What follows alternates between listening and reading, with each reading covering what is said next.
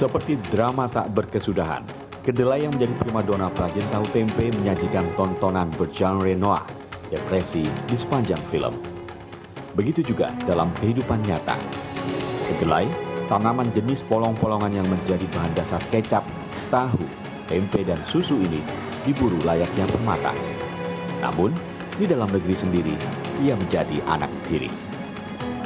Betapa tidak, di Jawa Timur saja dari data Dinas Pertanian Provinsi, sepanjang 2021 lalu, kebutuhan konsumsi kedelai mencapai 292.152 ton.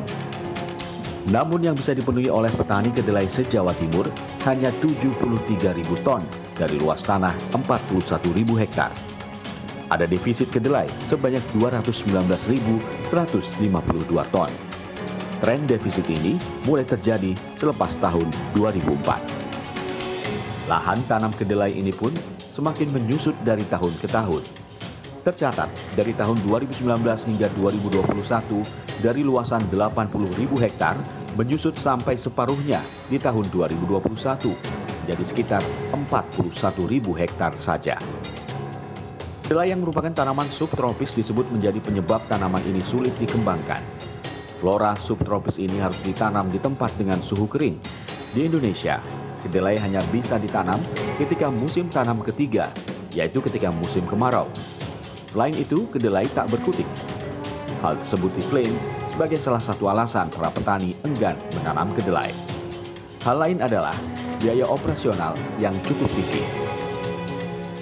Untuk nanam kedelai membutuhkan uh, kos yang besar. Kemudian OPT-nya Pak, hama penyakitnya itu lebih besar daripada nanam padi. Kemudian harganya untuk dijual di pasar nggak ngangkat Pak sama biaya produksinya. Jadi petani itu lebih cenderung untuk beralih ke komoditas lain. Oleh karena itu maka untuk mencukupi kebutuhan kedelai itu pemerintah impor. Namun, apakah benar begitu?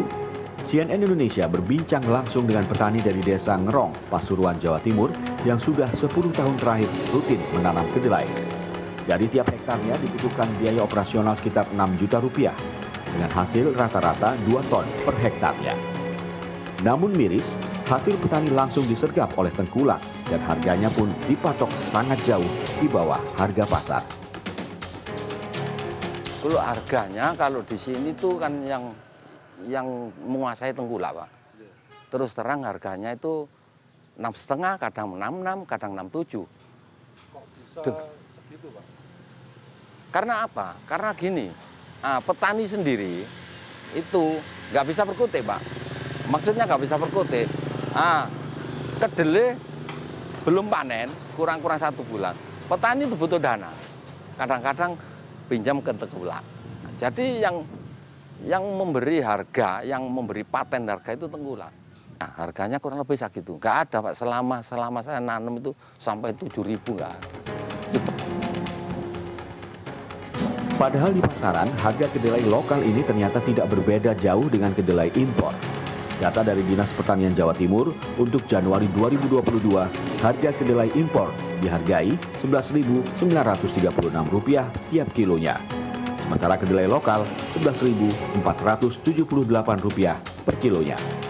Jika dihitung secara moderat, tengkulak mengambil dari petani kedelai Rp6.600 per kilo dan dijual sebesar Rp11.478.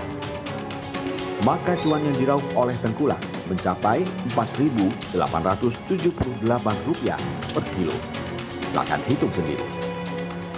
Jika berbicara tentang importir, maka kita memasuki level yang berbeda.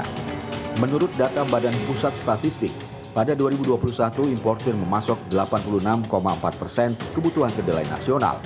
Dengan volume kedelai mencapai 2,49 ton dengan nilai cuan sebesar 21,04 triliun rupiah.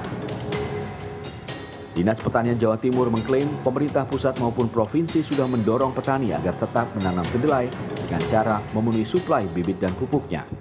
Namun hingga kini belum disediakan jaring pengaman berupa penyerapan produk kedelai langsung dari petani. Riset untuk membuat bibit kedelai yang bisa beradaptasi di iklim tropis Indonesia pun belum tampak. Akibat penanganan yang tidak komprehensif itu, celah tersebut dimanfaatkan tengkulak dan importir untuk menguasai jalur kedelai ini. Dan petani mendapatkan bagian yang bahkan tidak mencukupi untuk menutup biaya produksi. Darwi Caksono, CNN Indonesia, Jawa Timur.